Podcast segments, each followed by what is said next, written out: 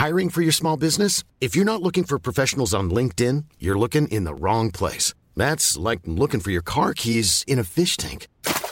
LinkedIn helps you hire professionals you can't find anywhere else, even those who aren't actively searching for a new job but might be open to the perfect role. In a given month, over 70% of LinkedIn users don't even visit other leading job sites. So start looking in the right place. With LinkedIn, you can hire professionals like a professional. Post your free job on linkedin.com slash people today.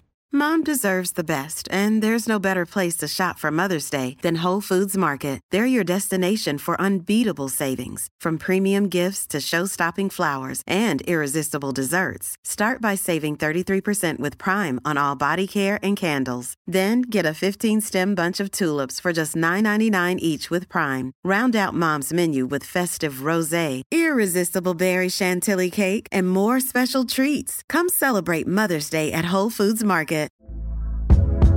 Hey there, it's Michelle Norris. I'm host of a podcast called Your Mama's Kitchen. When I travel, I'm usually looking for a way to find a taste of home when I'm not at home. And one of the things I love to do when I am at home is entertain. And Airbnb allows me to do that. When I was in California recently, I rented a house that had a great kitchen. And when we were sitting around the table, we're all thinking, we're in someone else's house. Someone could be in all of our homes as well. If you have a home, but you're not always at home, you have an Airbnb. Your home might be worth more than you think. Find out how much at airbnb.com/slash host. Den bobla der, den eh, gidder jeg ikke å dra og kjøre. Det har jeg ikke noe lyst til. Jeg skal til Formel 1 og jeg har lyst til å kjøre den bilen. Liksom. Det var eh, skyggelapper, eh, og det var ingen annen vei. Skulle bare til Formel 1 og skulle bli verdensmester der. Det var liksom det som var tanken.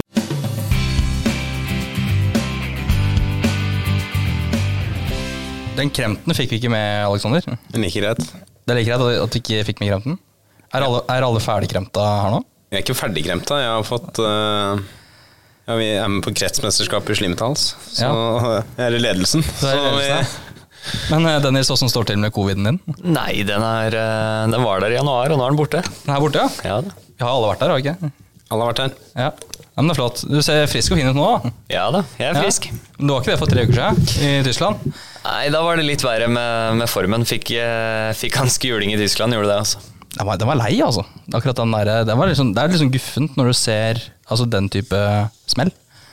Ja, altså det, var, det er jo alltid spektakulært med smeller, på en måte. Men når du får de der flammene Det, det syns jeg alltid er ubehagelig, da. Jeg har jo sittet i det sjøl. Det, er det. det kan du skryte på deg. Ja, det er ikke, jeg synes det er ikke noe å skryte av. Det er bare ikke noe gøy. Ja, er det, men er det sånn at du skryter nå, Dennis, av at du har hatt en sinnssykt fet smell på Åkneim? Nei, det er ikke det, altså. Det er ikke noe du, du vil være igjennom. Og eh, selv så så jeg ikke for at det var flammer. eh, For jeg lukka øya og holdt pusten, for jeg tenkte at det her kommer til å gjøre sinnssykt vondt. Uh, Idet jeg så at eh, jeg kommer baklengs mot en eh, Enten så treffer jeg veggen, eller så treffer jeg en annen bil. Eh, Klemte inn bremsen det jeg hadde, og, og holdt pusten og lente huet mot, eh, mot setet for å ikke få et slag der. Jeg regna med hvilken, eh, hvilken side jeg kom til å treffe veggen på, og prøvde å bare ja, ta imot det jeg kunne. Du satt jo i kommentatorboksen, Alexander, mens jeg var jo der, og du så jo mer enn meg.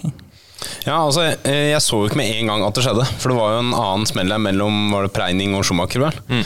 Som dro i muren foran der, og så var det litt kaos og mye deler og greier. Og plutselig så kom den der signalgule Porscha baklengs inn i bildet der, med noen flammer og en Ferrari fra siden der. Og det, det skjedde så mye, da. Så for meg så ble det bare rør, egentlig. Ja, nei, det var eh, Det var en smell Altså, jeg så at smellen foran skjedde, og at det kom til å skje, og tenkte at ok, jeg må backe ut, fordi at de kan sprette bak i banen igjen. Ehm, men var litt sånn forsiktig i forhold til hvor mye jeg skulle backe ut, fordi jeg tenkte at det kommer jo noen bak, og det kan at ikke de har sett meg, eller sett det som skjer foran. Og idet jeg går på brems, så får jeg en skikkelig trøkk i, i bakenden av feller, um, og blir bare sendt av gårde. Det var en reise. Ja, du får tid til å reflektere ganske mye. Det er, um, det er rart med det. Du, du seiler av gårde i 250 km i timen, og du aner ikke hva som kommer til å skje. Um, Men du veit at det som kommer til å skje, kommer til å gjøre jævlig vondt. Um, Og du får tenke på hva skal jeg gjøre nå, hva kommer til å skje, og hvor vondt kommer det til å gjøre. Så var det fascinerende med det greiene der. Jeg, jeg, jeg leita etter det. da. Jeg fant det aldri, selvfølgelig. Jeg fant jo motoren din. da. Den kom jo på en flakbil eh, inn der. Og bilen din var jo allerede dekket over, så tenkte jeg nå må jeg finne Dennis. Og så ringer jo Roy Espen, faren din, ringer jo til meg for å si at det går bra. Ja. Så han skjønner jo hvor- jeg vil hen. da.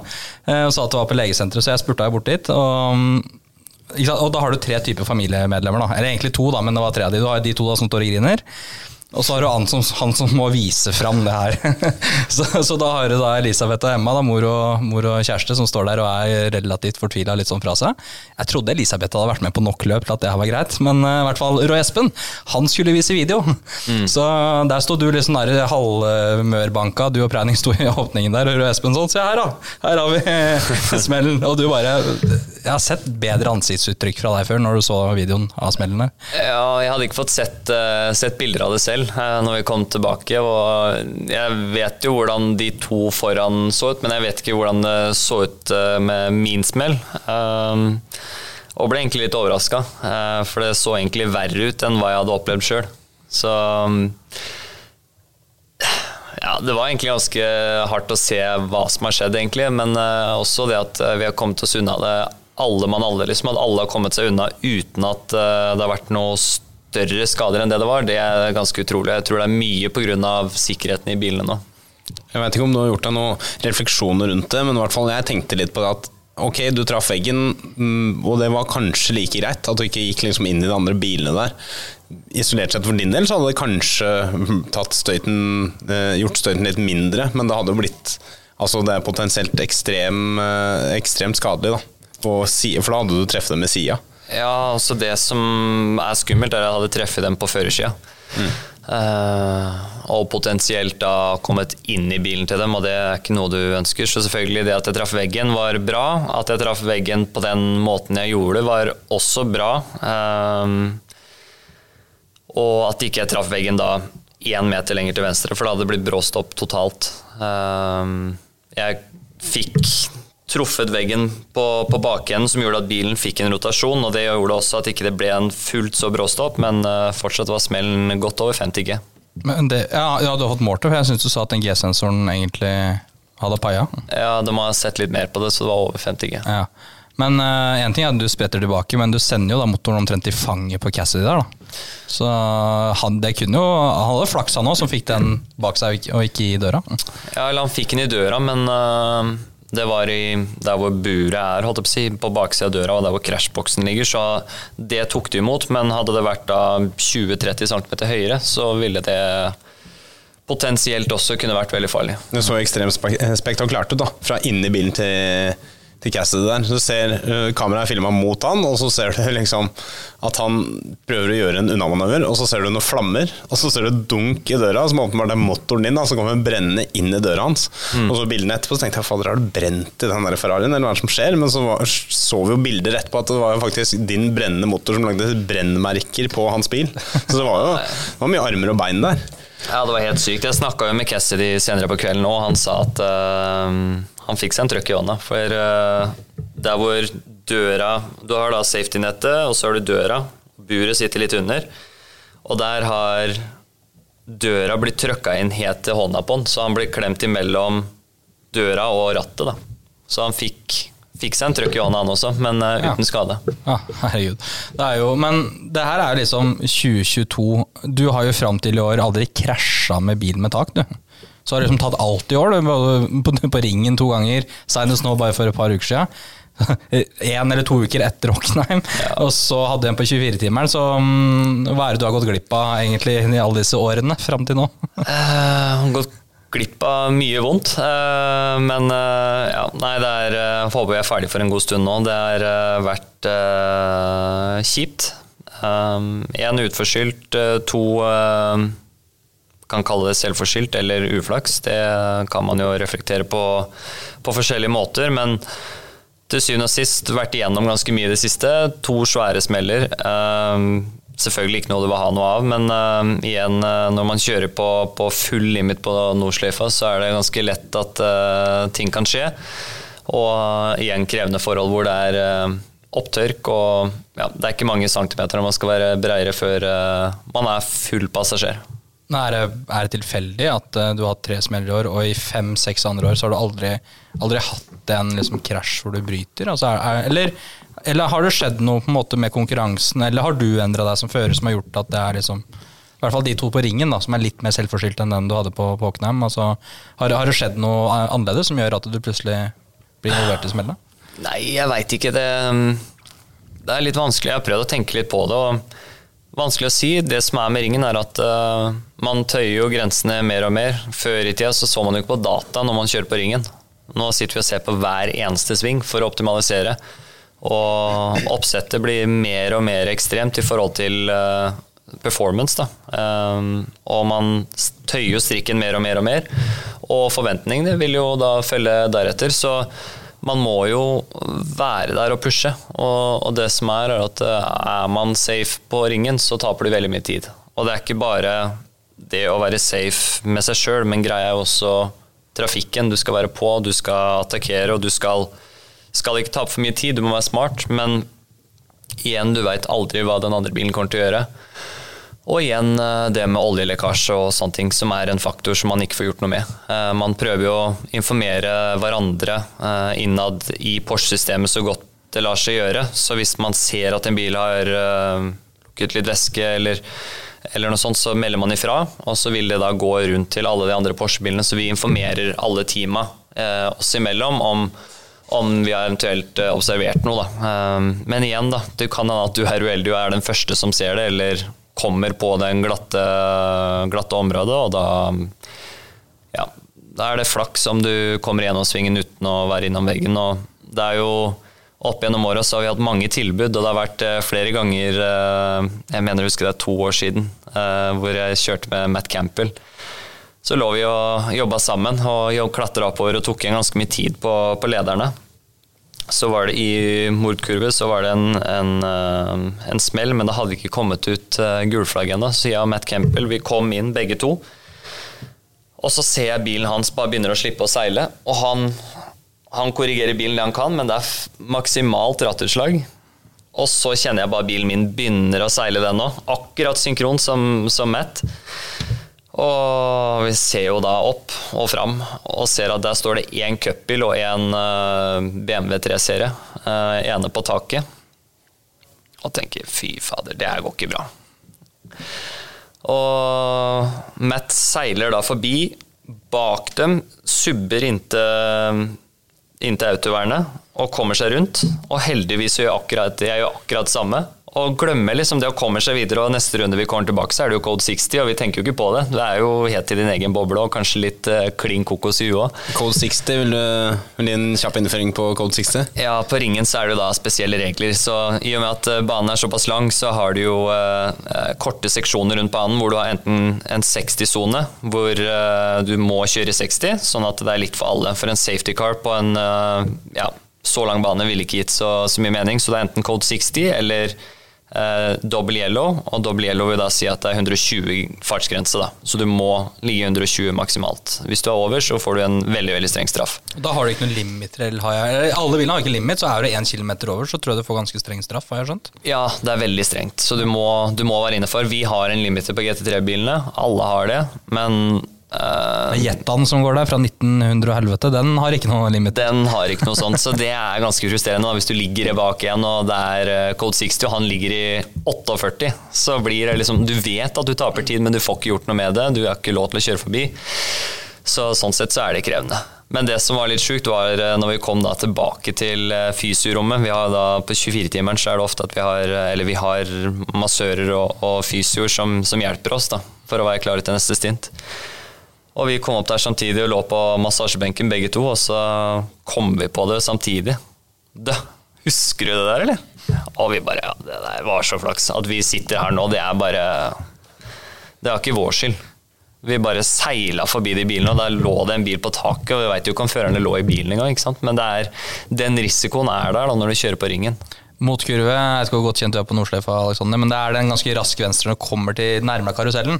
Ja. Eh, oppover der, før du har høyre og venstre enn opp mot karusellen der. Eh, Christian Krognes sier at det er den vanskeligste svingen på banen, og han drømmer om å ta den i 240. Han har sett data på 237. Jeg vet ikke hva det betyr, Dennis. Nei, det betyr fort. Det betyr at uh, når du kjører oppover sletta der med GT3, da, med hvordan BOP-en er nå, så har du typ uh, 247-248, så det vil si at det er ikke mye du skal løfte da når du skal gjennom den svingen. Så det vil si at du kommer opp dit, og den skal være flat. Og når du gjør det i iRacing, så kjenner du det faktisk kniper i magen. Så, og der er ikke modellen helt riktig heller, så det er litt lettere. Så klart at uh, ja, den er litt guffen. Men er du enig i at det er den teknisk sett vanskeligste svingen på banen? Det er, uh, det er kanskje en av dem som kan skremme deg mest, i hvert fall. Men Hvorfor det? Er det fordi han er så blind der i utgangspunktet? Det er jo en ganske krapp sving, eh, som er eh, minimumsfart på over 2,20 da, i gjennomsnitt eh, gjennom alle rundene. Og går det gærent, så går det gærent. Da står du i autovernet. Så mm, det er eh, mange som har dratt av der, og igjen da er det en liten oljeflekk der. Det er ikke Du får ikke gjort noe.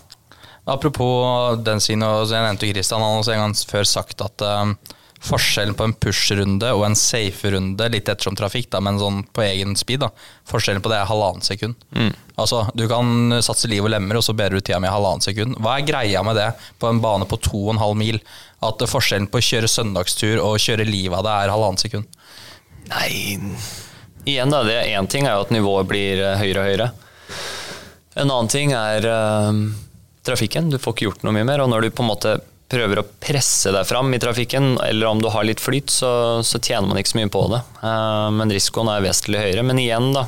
Det halvannet sekundet over et fullt stint per runde er ganske mye. Hvis du klarer da å få deg en gap på 15-10-15 sekunder, og du passerer en gulsone før det blir code 60, og den andre må gjennom det, da har du tjent et minutt. Derfor er det verdt det på ringen. Ikke sant. Det er, det er ganske rått. Ja, det er Den går liksom på grensa. Men uh, du, du, sier at du har fysio og sånn. Kan ikke du fortelle litt om hvor fysisk krevende er det egentlig å kjøre disse langdistanseløpene? Det er jo uh, Altså, for så vidt så går det ganske greit, men det er en påkjenning over lengre tid. Og det er jo da et uh, stress mentalt, og egentlig mest mentalt, også fysisk, kommer litt an på hvilke baner og temperaturer det er ute. For når det er 40 grader ute, så kjenner du det selvfølgelig. Du blir jo raskere sliten. Du får uh, ja, sliter med å holde væskenivået oppe. Selv om du drikker som en uh, hest, så hjelper ikke. Så um, det varierer, men menta veldig mentalt og, og, psykisk utmattende, egentlig, sånn på ringen spesielt, da, hvor du er gjennom så mange ekstreme tilfeller. Uh, været kan være veldig krevende, og det å se noe på natta er ofte også litt uh, vanskelig. Og du prøver jo da å å forstå har det vært vått her den runden her eller ikke. Det er ofte miksende forhold. Deler av banen kan være våt, andre kan være tørr. Og er, du taper jo like mye om det skulle være tørt. Du tror det er vått, men så er det tørt. Da taper du masse tid. Og det vil du jo selvfølgelig ikke. Men igjen, da er det vått, så går du i veggen hvis du tror det er tørt. Så du må på en måte prøve å være veldig aktiv. Da. Du er mer aktiv i hodet på enn det du er på la oss si Le Mans, da, hvor det er mye mindre konsekvens hvis du gjør en liten tabbe. Many of us have those stubborn pounds that seem impossible to lose, no matter how good we eat or how hard we work out. My solution is PlushCare. PlushCare is a leading telehealth provider with doctors who are there for you day and night to partner with you in your weight loss journey. They can prescribe FDA-approved weight loss medications like Wagovi and Zepbound for those who qualify. Plus, they accept most insurance plans. To get started, visit plushcare.com slash weight loss. That's plushcare.com slash weight loss. I'm Sandra, and I'm just the professional your small business was looking for. But you didn't hire me because you didn't use LinkedIn jobs. LinkedIn has professionals you can't find anywhere else, including those who aren't actively looking for a new job, but might be open to the perfect role, like me. In a given month, over 70% of LinkedIn users don't visit other leading job sites. So if you're not looking on LinkedIn, you'll miss out on great candidates like Sandra. Start hiring professionals like a professional. Post your free job on linkedin.com/people today. Men uh, det du sier det med liksom banetemperatur Hvis vi snakker om Batters til 2019, har du fortsatt blemmer i kjeften? Nei da, nei da. Dem, eh, dem har gått bort. For eh, det, for det må fortelle om når jeg spør om de blemmene, for det var jo ganske drøyt opplegg, det der. Det ble jo seier, og en av dine større seire, faktisk. Men det var ganske sjuke omstendigheter etter hvert der òg. Ja, det var helt grusomt. Vi, um vi kjørte, og tanken var at vi skulle kjøre dobbeltstint, fordi vi hadde kjølevest som eh, I undertøyet så var det sånn system hvor du pumpa kaldt vann igjennom. Og da var det da en uh, boks ved siden av oss med tørris. Som, uh, som skulle hjelpe oss gjennom stinta. Vi hadde jo drikke, og der hadde en prøvd å isolere så godt vi kunne, så ikke det skulle bli varmt. og bla, bla, For vi visste jo at det kom til å bli varmt, for vi hadde jo ikke aircondition i bilen. Uh, starta løpet, og første stintet, da frøys jo den der eh, tørrisboksen, så den der eh, kjølevesten vi hadde, den virka jo ikke lenger. Så det var jo, og da på morgenen så trenger du jo ikke den. For den er jo På morgenen så er det ikke så varmt liksom i, i Bathurst. Men uh, vi kjente jo at vi skulle gjerne hatt den seinere. Um, og det var mot slutten av løpet, så skulle jeg kjøre da en nest siste stintet før Matt der, og da var det spørsmål om jeg kunne kjøre dobbeltstint, og jeg tenkte ja, ja, det går fint. Starter første stintet og hopper inn i bilen. Matt var helt utkjørt. Helt ødelagt. Han klarte nesten ikke å komme ut av bilen, så jeg måtte dra han ut. Og tenkte herregud, det her det kan ikke være bra. Hva har du da sagt ja til nå? Så? Ja. Og så satt jeg meg inn i bilen, og så ble det safety car etter fire-fem runder. Så jeg eh, tenkte ok, jeg prøver å holde væskenivået oppe, jeg drikker med en gang. Og tar da den kabelen i munnen og brenner meg så sinnssykt i munnen av den der eh, vannet som var i den kabelen. Og på radioen og var dritforbanna. Faen, har dere ikke bytta den vann, vannflaska? Det er jo kokende varmt her. Jeg brant meg, liksom. Spytta ut vannet inni hjelmen. Og de sa ja, du må prøve å ta slangen ut av vinduet, og så fem sekunder for å se om du får ut det varme vannet i slangene.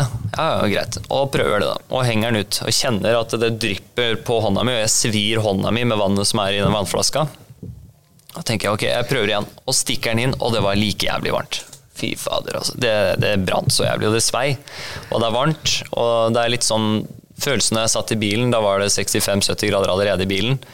Det er som å sitte i en badstue, og du vet når du puster inn, så er det sånn tørt og varm, varm luft som bare kommer inn. Du får liksom ikke noe frisk luft igjennom systemet. da. Og så har du ikke kaldt vann engang. Og så kommer vi i gang igjen og kjører, eh, kjører resten av stintet. Jeg kan ikke drikke, for det vannet er jo kokende.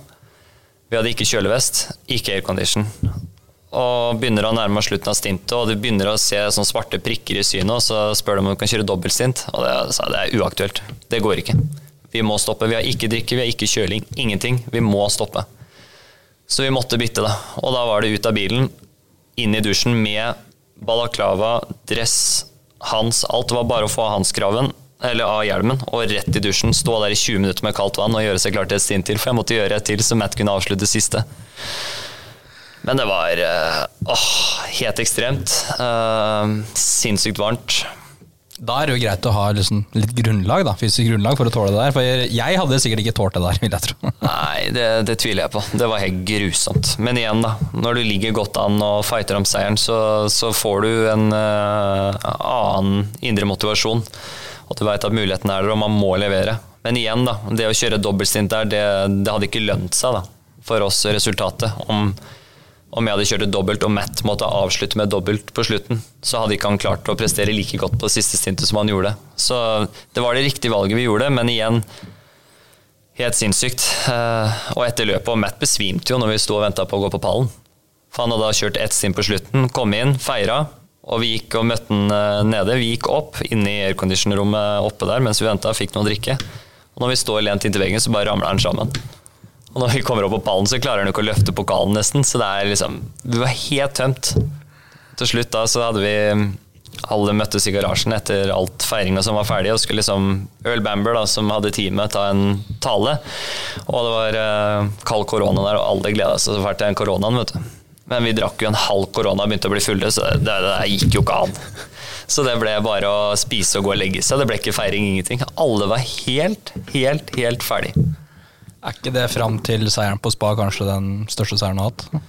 Jo, det er en av de største løpa, og mesteparten av det er jo pga. banen, hvor sinnssyk den er. Den er jo helt rå. Eh, og måten vi vant på, som var eh, sinnssykt kult. Hva, hva står høyest? Kjøre der eller på, på ringen? Hvis du måtte velge én bane du ikke fikk lov å kjøre på av de? Nei, det må være ringen. Det må være ringen for det. Ringen er råest. Det er det råeste. Men jeg må si at Baffers er en god nummer to etter, eh, etter uh, Nürburgring. Det er ikke sånn uh, Batters 1000 nå er jo supercars ganske fjernt fra det du holder på med, men, men du som kjenner det internasjonale miljøet da, med Batters 1000, altså hvor høyt henger det, og er det noe mange har en sånn liten bucketliste om, om, å kjøre på? Uh, det er en av de absolutt råeste mesterskapene, spesielt der hvor de gutta er de er så lokalkjente i forhold til, uh, til bane. Da. De kan den banen inn og ut. De kjenner bilene så godt, så det å komme som en uh, europeer, da, eller en som ikke er kjent med mesterskapet og bilene, uh, og ikke er superlokalkjent med banen, kommer til å slite. Og er, uh, nivået der er grisehøyt. Så ta hvem som helst i Formel 1, de kommer ikke til å vinne det første løpet dem, hvis ikke de har fått masse forberedelser og, og det opplegget der. De har ikke kjangs. Det er ganske heftig, heftig mesterskap, og spesielle biler òg. Altså, det er det er ikke å komme fra en GT-bil og kjøre en sånn supercar, det er vel Det er veldig annerledes. Ja, ja. Veldig, veldig annerledes. Men ja, nå snakker vi om andre biler. Altså, nå har vi snakka om alt det med GT3 og at du har krasja litt i året, sånn, og ikke minst mangel på aircondition. For aircondition hadde du i hvert fall med formelbil mm. og gokart. Eh, og da nevnte jo Espen her etter den smellen på Ockenham at du har jo aldri hatt noen sånne impact selv mm. i de kategoriene. Hvordan kommer man seg gjennom eh, da tenåra i gokart og, og formbil uten å ha Kanskje knekke en liten frontvinge, det er det eneste, liksom. Noe av det er kanskje det at uh, Spesielt i formbil, da, at uh, budsjettene sto på oss. Vi måtte finne sponsorer og budsjett til å få det her til å gå opp. Og, og du har jo selvfølgelig det bakhuet, for du veit at hvis du krasjer her nå, så er det mulig at ikke vi får kjøre neste løpet, for det kommer til å koste altfor mye. Så det er jo en tanke som ligger der, og kall det en litt frihet som vi har hos Porsche nå, da, hvor at ansvaret for å betale den regninga står ikke på oss, men vårt ansvar er å levere best mulig resultater og være raskest mulig. Det er på en måte våres jobb, rett og slett. Eh, så det er jo litt sånn ansvarsfraskrivelse på en måte at eh, er det litt skade på bilen, så står det ikke på, på Jeg får ikke et brev i posten eh, når jeg kommer hjem på mannen liksom, og her, her har du én million i regning å betale.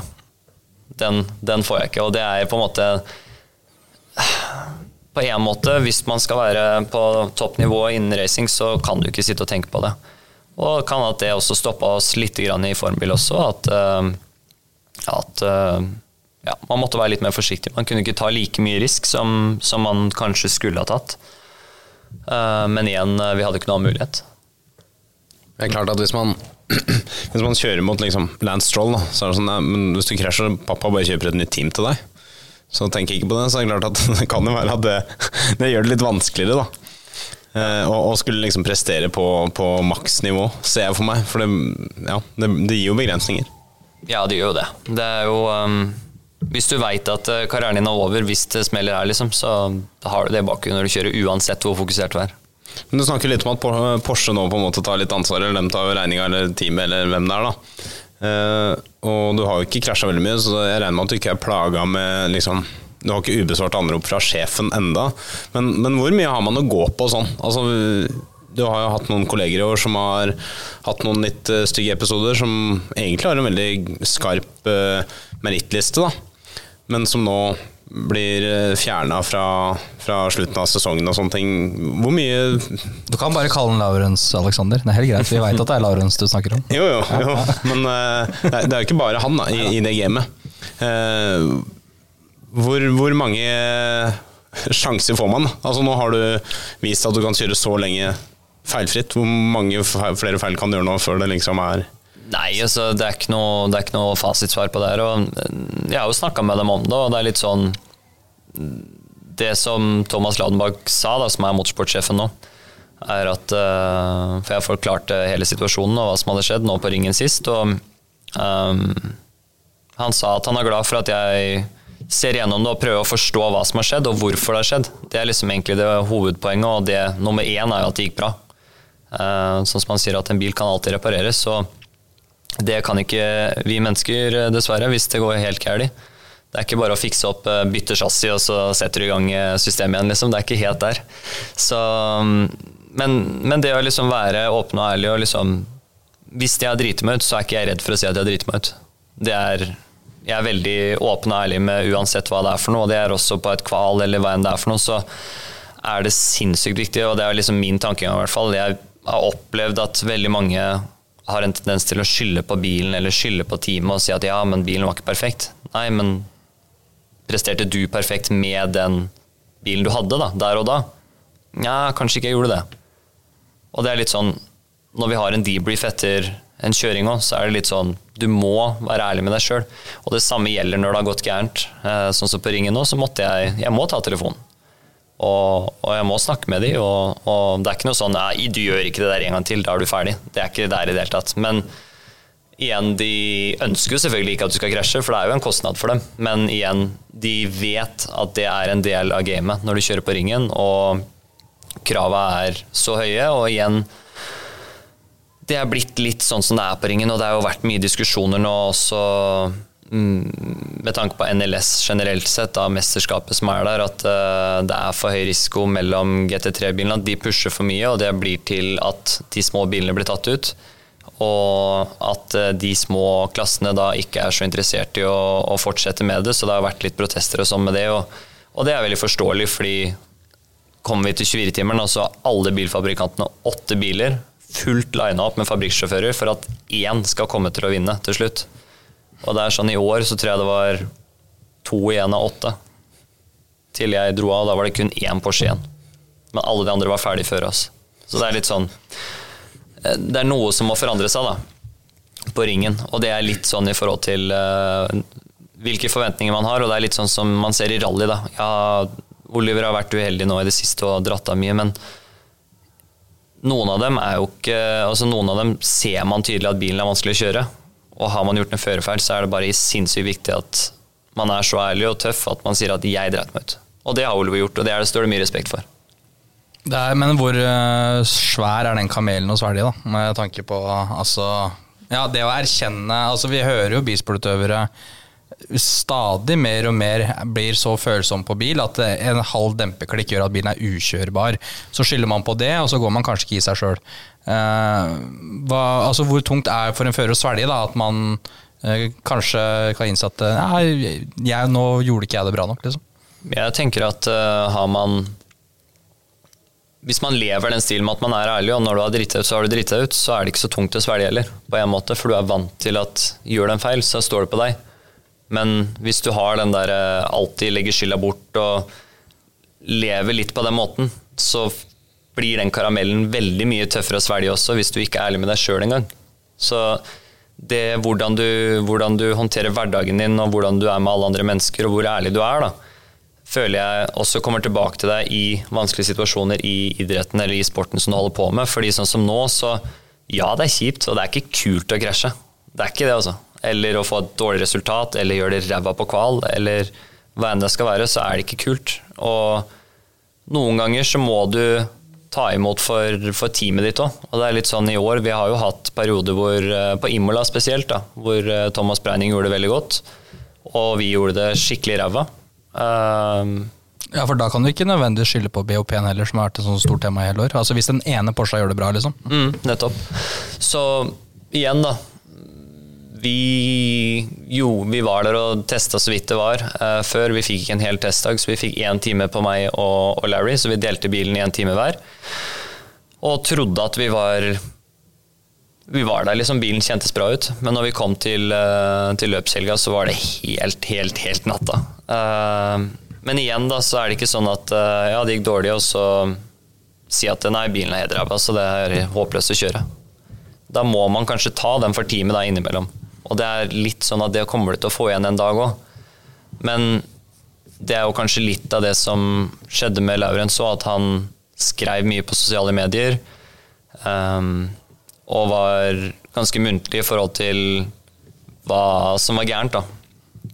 Og det er ikke alltid det er like populært, og det, det, også, det er også en av grunnene til hvorfor, hvorfor han uh, ikke kjørte på Håknheim. Um, hvor han har vært litt for uh, kanskje litt for åpen og kanskje sagt litt for mye meninger, og i tillegg da svart på noen kommentarer som har kommet som ikke er så smart. litt utaktisk i sosiale medier. her. Han er ikke den første som ryker på det. Nei, Vi har jo noen eksempler på det i både bilsport og annen idrett. Altså, altså Når sosiale medier har kommet, det har vært en ny felle å, å gå i altså for mange. Og jeg er jo veldig fan av åpenhet og ikke minst ærlighet, da, men hvor går liksom den grensa da, på hva du har lyst til å si, hva vi fortjener å høre, men hva som heller ikke skal utafor fire vegger? Egentlig så er det sånn som jeg kjenner, jeg har blitt veldig godt kjent med ham gjennom sesongen nå, så mye av innlegget og det han har skrevet når han har uh, lagt ut noe, er egentlig uh, selvironisk. Han er veldig sånn morsom type som tar selvironi, og han er liksom ikke en sånn type som Eller han kan være veldig sånn direkte og klage veldig mye i et møte, f.eks., men det er jo innad i teamet, selvfølgelig. Men når han skriver at han hadde tatt på sokkene feil vei og vinden var feil, og liksom ja, masse sånne småkommentarer, liksom, det er jo bare for å være morsom. Men det blir tatt opp feil fra enkelte, og så skriver de en kommentar. Og når han klarer å fyre seg opp av den ene kommentaren, det er der det starter. Så, men igjen, det, det var litt vanskelig for han med teamet. Um, og igjen, da, han har jobba nå så mange år med fabrikksteam. Å komme tilbake til kundeteam, det er jo en omstilling, det òg. For man har ikke de midlene og de mulighetene som man har hos et fabrikksteam. Så det kan det også er noe som, som man måtte på en måte venne seg litt til. Da. Og kanskje ikke han fikk akkurat de verktøyene han trengte for at han kunne prestere maksimalt. Hvor at for meg så virka det her ganske bra, liksom. Og selvfølgelig er det flere ting som jeg skulle ønske vi kunne fiksa tidligere i sesongen, men som ikke var mulig. Eller som ikke vi fikk tak i i, i tide. Um, og igjen at vi skulle fått forberedt oss enda mer med testing, da, som vi egentlig hadde tenkt til, men som ikke var mulighet pga. vanskeligheter nå med å få tak i dekk og, og sånne ting. Da. Det er litt en minefelt det der med sosiale medier. Altså. Med tanke på alt man, alle fellene man kan trå i der. Da. Men får dere noen form for, når dere kommer inn i, i, det systemet som dere får dere noen form for liksom, Jeg skal ikke kalle det kursing, men litt sånn Dette her er hvordan vi som team, førere, organisasjon opererer i sosiale medier. Og på dette her med Du må gjerne være ærlig, men det her, den biten der holder vi innafor teamet, og den biten der kan du være ærlig om utad. Um, jeg har jo kommet fra å kalle det helt i startfasen av systemet hos Porsche, som en Porsche junior-fører. Og der hadde vi også mye mediekurs, uh, alt mulig. Fysisk trening, uh, mentalt. Det var på en måte en del av pakka. Så vi har på en måte fått det helt fra grunn av, uh, hvor vi har lært noe av det, men det er jo ikke Altså det er basic, rett og slett. Rett og slett basic eh, media. Og vi har jo, har jo, noen eh, som er på banen, så hvis vi har noen spørsmål på hvordan skal vi svare det spørsmålet hvis det kommer, så er det alltid en person der som kan hjelpe oss og gi oss et hint til hvordan vi skal svare. Og sånn sett så, så er det ikke så vanskelig, og det er egentlig ganske frie tøyler, men uh, bruk huet, egentlig. Det er liksom det som er en ting vi har diskutert mye, Simen, som irriterer meg grenseløst når jeg følger bilsportutøvere på alle nivåer, egentlig, i sosiale medier, er de som sier A, men ikke sier B. Altså Som sier ja, nå er vi klar for helga, du får hele preppinga, og så får du ja, nå har det gått bra på kval eller den og den omgangen, og så går det galt, og så har du fått med deg at det har gått galt, og så hører du ingenting. Mm. Uansett hvem som skylder er. Og så bare skal de prøve liksom å dysse ned. Når de har, det er for meg Jeg blir, altså, jeg blir oppriktig irritert av det. Det er uh, ofte da, det En ting av det som jeg kan tenke meg, er at uh, det er jævlig lett å legge ut et innlegg på Instagram når det har gått bra. Når det er positivt, Da er du gira og å sitte på telefonen og skrive ordentlig. ikke sant? Men når du er litt uh, fått juling på banen, eller ting har gått dårlig, da, så er det ikke så ofte du sitter på telefonen. Da sitter du heller og ser på telemetri og data. Og det er du sjøl som må legge ut dette opplegget. For som ofte så har vi ikke en presseperson som legger ut, med mindre det er teamet sin Instagram-konto, liksom. Så bare reposte den, og så ferdig. Men skjemmes man fort da ved å gjøre det dårlig? Man har sponsorer og fans og familie og venner, og er det sånn at det er lett å skjemmes? At det er grunnen til at da, da gjør vi ikke så mye ut av det akkurat nå den helga her? Man kan jo det, men samtidig så kommer jo an på hvem og hvordan man er. Men for min del så er det mer det at jeg hvis det er ekstremt vanskelig eller ting går veldig dårlig, sånn som en helg som Imola, da, så går jeg veldig inn i bobla for å prøve å finne ut av hva er det jeg kan gjøre annerledes, eller hva er det jeg kan gjøre for å hjelpe teamet for at de skal få pakka bedre sammen til meg, sånn at vi som et team kan bli bedre. da. Eh, så ofte så er jeg på banen da til klokka halv tolv på, på, kvelden liksom, for at vi skal finne ut av det sammen, diskutere alle mulige muligheter. Jeg sitter for meg sjøl og tenker om jeg har noen ideer å komme med som kanskje ikke ingeniøren har tenkt på. Uh, og, og, driver og utveksler mange tanker sånn sett da, i forhold til å kunne klare å, å gjøre det bedre dagen etter. Så um, det er jo noe som gjør at uh, man går jo ut av den sosiale bobla på en måte også, fordi at man sitter ikke på telefon, man er ikke sosial med noen andre enn de du jobber med. Det er kun fokus på det du holder på med, da, for å kunne klare å optimalisere den pakka. Det, du nevner dette med kundeteam, som du er innom, um, og at for Laurens kanskje er krevende å komme fra mye fabrikksatsing over til kundeteam. Du er jo litt motsatt. Du har vel, Er det kun Le Mai 2019 du på en måte har kjørt for Porsche Motorsport, eller så har du vel du kun kjørt for kundeteamene. Ja. Uh, og du må vel ha en rekord du er i Porsche, kjørt for flest antall kundeteam. Jeg vet ikke om vi har eh, nok fingre på enda til å telle engang. Eh, og det er vel også en slags tillitserklæring fra Porsche. Altså Man kan se på at du ligger et steg under fabrikkførerne sånn formelt, men det er vel ingen som kanskje gjør en viktigere jobb for Porsche som motorsportavdeling enn det du da kanskje har gjort? Så. Nei, det er sant. Jeg husker det siste han Pascal Sylinden sa før han måtte Eller han gikk jo en annen, til et annet uh, selskap, Multimatic, uh, men det var forrige motorsportsjefen. Og vi drev og diskuterte kontrakt og sånn, og så sa han at uh, det beste du kan ha på CV-en, er at våre kunder er fornøyd med deg. Det er det beste CV-en du kan ha. Jeg driter i resten av papiret, liksom, men det at våre kunder skryter av deg, de ønsker deg tilbake og snakker godt om deg, det er liksom det som, som er viktig for dem. For til syvende og sist, det er der de tjener pengene. Men bare for å forklare for folk, for dette er litt spesielt. altså Kundeteam er jo da team som kjøper biler av Porsche, og så har de da gjerne med seg folk som har sine penger for å være med å kjøre den bilen. Mm. Men du er jo betalt av Porsche. Så hva er greia da? At dem kjøper, kjøper de deg, da? Eller altså, hva er greia? Hva, de bruker masse penger på å kjøpe en bil og skal drifte en bil osv., men de får også med en fabrikkfører. Altså, hvordan fungerer de mekanismene her? Det er jo en av det Det er jo en del av pakka da med fabrikkstøtte fra Porsche, så, eller støtte fra Porsche generelt sett, så de kjøper uh, pakka, bilen, utstyret som skal til.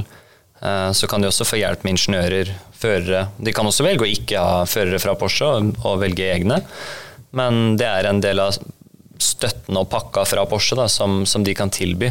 Og det er jo også en sterk fordel hvor disse kundetimene får en stor mulighet til å vinne store løp. Da.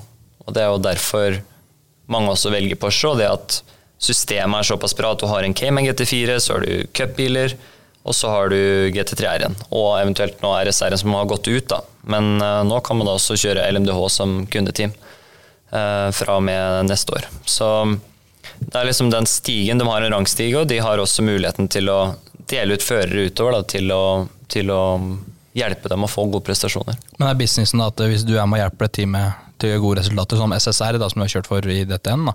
Hvis de kan se at uh, du har hatt en god, god fører, uh, er det sånn da at uh, da blir teamet mer attraktivt for betalførere, eller, eller businessførere, eller hva det måtte være, som skal inn med penger? Er, det, er det det som er businessmodellen da, f.eks.?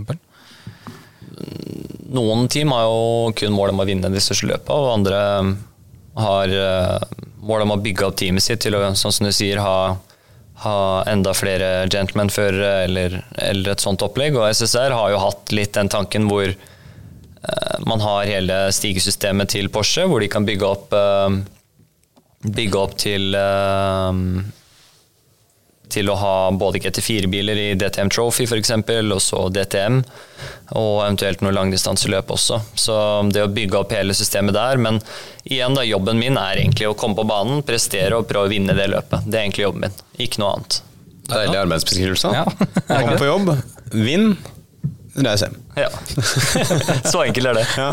Men, men eh, du, eh, vi skal innom det at du på en måte former bil og Formel 1 og Max Verstappen og hele den sulamitten der, eh, vi kommer jo aldri utenom det. Men når du valgte å hoppe av det sirkuset der og kjøre bil med tak, skjønte du da hva du egentlig Hva det innebærer å gjøre det bra på denne Porsche Shootouten og det å kjøre supercup, og hvor du skal ende? Altså, skjønte du at det er her du er nå, at du er en ekstremt viktig enkeltfører for Porsche Motorsport utenom fabrikkstime? Nei, det var ikke det som var tanken, egentlig. For jeg hadde ikke lyst til å dra på den shootouten der og da. Jeg diskuterte dette med pappa, at den bobla der, den eh, gidder jeg ikke å dra og kjøre. Det har jeg ikke noe lyst til. Jeg skal til Formel 1 og jeg har lyst til å kjøre den bilen, liksom. Det var eh, Jeg var så smale, eller så Ja, det var liksom skyggelapper, eh, og det var ingen annen vei. Skulle bare til Formel 1 og jeg skulle bli verdensmester der, det var liksom det som var tanken. Men snakka vi sammen når vi skulle dra på den testen og gjøre det beste vi kunne der, liksom. Uh, men det tok jo ikke lenger til at vi hadde da flydd til Tyskland, sovet en natt på det hotellet, satt i en taxi fra hotellet til banen, og når vi kom på innsida av veggene på banen, så skjønte jeg ok, det her er fett. Det her er dritfett. Det her skal jeg faen meg ta. For det var da seks Porsche Motorsport-lastebiler. Det var fire Michelin-lastebiler som sto lina opp, klare. Splunk nye cupbiler inne i garasjen og ingeniør til hver bil. Og der skulle vi prestere å simulere en løpshelg. Og jeg skjønte det at det greiene her, det er ganske fett, altså. Er det sånn når man ser Du har jo kjørt mot mange av disse som kjører Formel 1. Jeg husker jo ikke alle nå, men eh, Max Verstappen vet vi at du har kjørt mot, og også slått anledning. Kan du ikke bare ta den lista og så dele på åtte, og så tar du sju av de delene, eller noe, så har du eh, førerne? Eller? Nå begynner det å bli ganske mange. Ja, nå Det Vris har kommet til nå, som er vel de nærmeste sånn på mange måter, har jo fått ja. kontrakt nå. Nei, Det er ganske mange, altså. Så det er vel eh, over to tredjedeler av feltet da, som jeg har konkurrert mot. Ja. Men når, når, du da står og ser dem Altså, det er jo på en måte sikkert en sånn Æsj, jeg klarte ikke å komme dit, men du, du, klarer liksom å nyte det og, og se Ta et steg tilbake og se liksom Jeg lever faktisk drømmen der, selv om jeg ikke lever drømmen om Formel 1. For du lever jo en drøm på et ekstremt høyt toppnivå, bare på, ikke på formelbil. Jeg lever en ny drøm, egentlig. Uh, og det er jo noe jeg har innsett i ettertid. Uh, spesielt da etter uh, den shootouten og etter at ting gikk bra i cup, og plutselig jeg, kunne jeg leve av å kjøre bil. Fra og med 20, slutten av 2017 til 2018 så har jeg levd av å kjøre bil. Og ikke ei sponsorkrone skal inn for å måtte kjøre bil? Nei. Nei. Så det har liksom vært Det har vært vært noe som ikke jeg forventa meg. Og, og ser jeg tilbake på det, så er jeg jo ekstremt glad for at vi tok den, det retningsvalget der og da, og at det var det riktige valget, det er ikke noe tvil om. For å prøve å fortsette å gå mot formbil og, og tømme resten av, av, det vi hadde igjen, det, det, hadde ikke gått uansett. For vi hadde ikke hatt nok midler til å kjøre Formel 2 sånn som Hauger nå gjør nå, med ja, over 20 millioner i, i sponsormidler totalt sett, da, hvis du regner med hva som er fra Red Bull eller ikke, så er det i hvert fall godt over 20 millioner, om ikke nærmere 25, for å kjøre én sesong. Og det hadde vi ikke hatt mulighet til uansett. Så mm, til syvende og sist, når jeg ser tilbake på det nå, så lever jeg godt av det og kan uh, kan uh, kose meg med å se på Formel 1 på, på kvelden. Jeg titta på, på løpet i går, og det var uh, Det var kjedelig. Det var kjedelig. Men det var, vi bare sier det, det var kjedelig. Ja, ja, det var litt synd også. Altså jeg, Mexico Grand Prix, da. Nå vet jeg ja. ikke når denne episoden her skal sendes, men det var i hvert fall Mexico Grand Prix, da. Ja. Det var det kjedeligste løp. Ja, det var uh, det var, ikke, det var jæsklig synd at Mercedes var litt konservativ på Eller på en måte aggressiv, men på en annen måte konservativ med dekkvalget. Det, var, det kunne blitt interessant hvis de kanskje hadde hatt mediumdekk. Bare, jeg vil bare gnage litt på det her. Har du på noe som helst tidspunkt vært litt bitter? Mm. Om det er tidlig og før Porsche, men Verstappen, som allerede kom inn i 2015, da er det tre år siden du kjørte gokart mot han, liksom. Uh, har du noensinne vært litt bitter for at du aldri fikk den, eller kom til den muligheten her?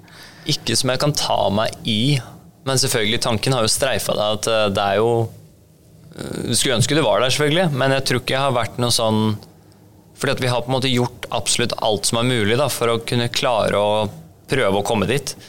Og man må være, være realistisk til syvende og sist, og det har jeg på en måte innsett at med de pengene som må til for å kunne klare å få muligheten i det hele tatt til å kjøre de klassene.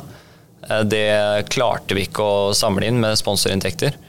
Og Formel 1-interessen også var mye mindre i Norge på den tida når jeg prøvde å, pushe opp mot, uh, mot den drømmen. Og um, egentlig så Eller jeg er ganske sikker på at jeg ikke har vært bitter for det. Men Faktisk. du veit ikke om andre kan ha oppfatta det annerledes? Det kan godt hende. Ja. Det kan godt hende at andre har opp, eh, opplevd det sånn, men til syvende og sist eh, Hvis jeg sitter her i dag da, og ser tilbake på det, så er jeg ekstremt glad for at vi har tatt den veien Og det er ikke noe sånn fordi at vi sitter her på en podkast. Jeg er oppriktig veldig veldig glad for at vi har tatt den veien, for nå kan jeg leve av det jeg elsker å holde på med. Jeg, jeg tror jo ikke at uh, du blir oppfatta som bitter noe sted. I hvert fall ikke Jeg tror ikke heller, men jeg må jo høre. Jeg må jo spørre. Ja. Ja. Men om noen er bitter, tror at jeg er bitter for det, så må de jo tro det. Men, men det, det er jo litt sånn interessant det vi snakker om når vi sitter og snakker om det kjedelige løpet. For da tenker jeg sånn eh, Folk skjønner jo egentlig ikke hva du gjør. Og så hvis du viser dem Nei, nå skal jeg kjøre billøp i 24 timer her. Så vil jo Det er som at jeg skal sette meg og se Tour de France. På en måte. Jeg skjønner det ikke. Så for meg så er det bare kjempekjedelig. Føler du at det er Syns du det er litt irriterende at på en måte ikke folk klarer altså, Folk skjønner ikke hva du egentlig holder på med, hvilket nivå det her er. Det kan være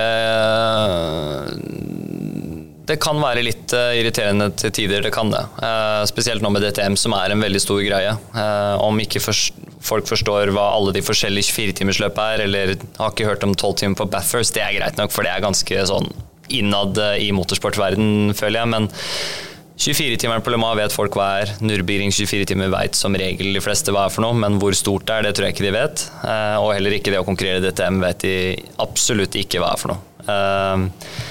Men eh, jeg vil si at eh, det er et av de absolutt hardeste og sterkeste mesterskapene i verden. Det er topp førere hvor eh, alle bilfabrikantene sender sine beste førere da, for å konkurrere for sine merker. Og Porsche valgte da oss tre som, som var der nå i år, og neste år vil det jo da være seks biler som skal kjøre DTM per bilfabrikant. Og igjen så kommer det til å være en ny rekke førere som, som skal sendes dit, så vi får se.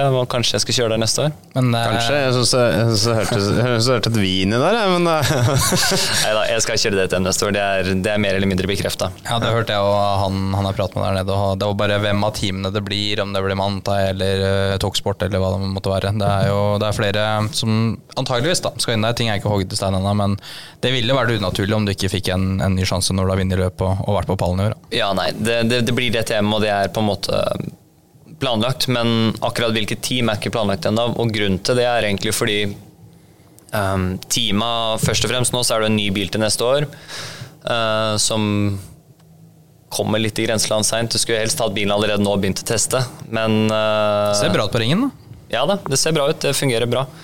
Så Sånn sett så har det vært veldig bra, men, men det er jo da Daytona 24-timeren som kommer nå i midten av januar. Og dit må det minst seks biler, for det er seks amerikanske team som skal kjøre hele mesterskapet. Og da er det uaktuelt å kjøre med den gamle bilen når det allerede er en ny en, så det er førstepri å få seks biler dit. Og så vil det jo da komme biler til Europa etterpå da, som skal da forberede seg til DTM og de andre løpa som er der. da. Så igjen da så er det det med, med teama i DTM. Hvem har budsjettene til å kjøre det? Hvem er klare nå? Og, og, hvem, og igjen da så har jo de selvfølgelig preferanser om hvilke fører de vil ha. Og til syvende og sist så er det opp til Porsche som skal dele ut eh, de forskjellige førerne til de forskjellige posisjonene. da. Men eh, hvilken, hva slags tillitserklæring er det da? Du sier det er vi tre fra Porsche som vil kjøre dette med i år. Dere er jo 140 fabrikkførere der, så det er jo mange å ta. Uh, hva, hvilken tillitserklæring er det at du plasseres i DTM kontra ja, World Endurance, IMSA, altså de andre store seriene, men at du puttes der, da? Jeg tror egentlig før sesongen så visste de ikke helt hva de skulle forvente, og spesielt fra starten av. Um, og grunnen til det er fordi at jeg føler egentlig at jeg ikke har fått vist mitt potensial enda. Men noen kanskje har sett det og lurt litt på hvordan, hvordan det har vært. Og jeg tror til syvende og sist, da, spesielt nå som jeg har hatt Laurens som en teamkompis, som blir egentlig den nærmeste konkurrenten jeg har, for vi kjører jo med samme team, samme, mest sannsynlig mer eller mindre samme oppsett. Og, og Er du i gang? Ja, Det var bare å gå på kamera på meg som tok kvelden, men det, det, det, Ja, det er dere ikke ser så mye på meg likevel, så det går fint. um, og bilen har vært eh, så å si det samme, så han er på en måte den som jeg har fått måle meg mest opp imot, både på test og i løp og på kval. Um, og ting har vært veldig bra sånn sett, så jeg tror det at eh, jeg har kommet veldig godt ut av sesongen i ettertid. Men jeg skal helt ærlig si at eh, når jeg visste at teamkompisen min kom til å være Laurens Fantor, når jeg kom til, eh, fikk den telefonen, så tenkte jeg fy faen, han, han blir hard å slå, for jeg veit hvor god Laurens er. Han er helt ekstrem på kval som regel. Og ja, visste at det her kan bli en tøff sesong for meg, men det viste seg annerledes, da, og vi klarte å vise hva vi var gode for istedenfor. Du snakka i stad om at du lever en ny drøm. Men i en ny drøm, har du liksom en ny drøm? Hva er det ultimate målet? Altså Én ting er selvfølgelig DTM-mesterskapet, som er enormt. Men hva er liksom ditt ultimate mål hos Porsche, da? Um, det ble, første blir jo å prøve å vinne DTM-mesterskapet. Det er jo um, mål nummer én. Uh, mål nummer to er å få en um, fabrikkstatus hos Porsche. Og mål nummer tre er å vinne Le Mans i LMDH med Porsche. Jeg har skjønt at du er ikke nødvendigvis så veldig langt unna å kunne prøve en LMDH-bil heller. Åssen ligger du an egentlig?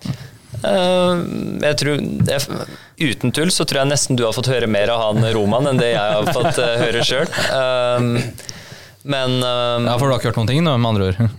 Noe har det vært snakk om. Men vi får se om det blir noe testing nå etter nyåret. Men det som har vært litt greia nå, er også det at fabrikksførerne som skal kjøre mesterskapet i både IMSA og VEC, noen av dem har faktisk ikke kjørt bilen ennå.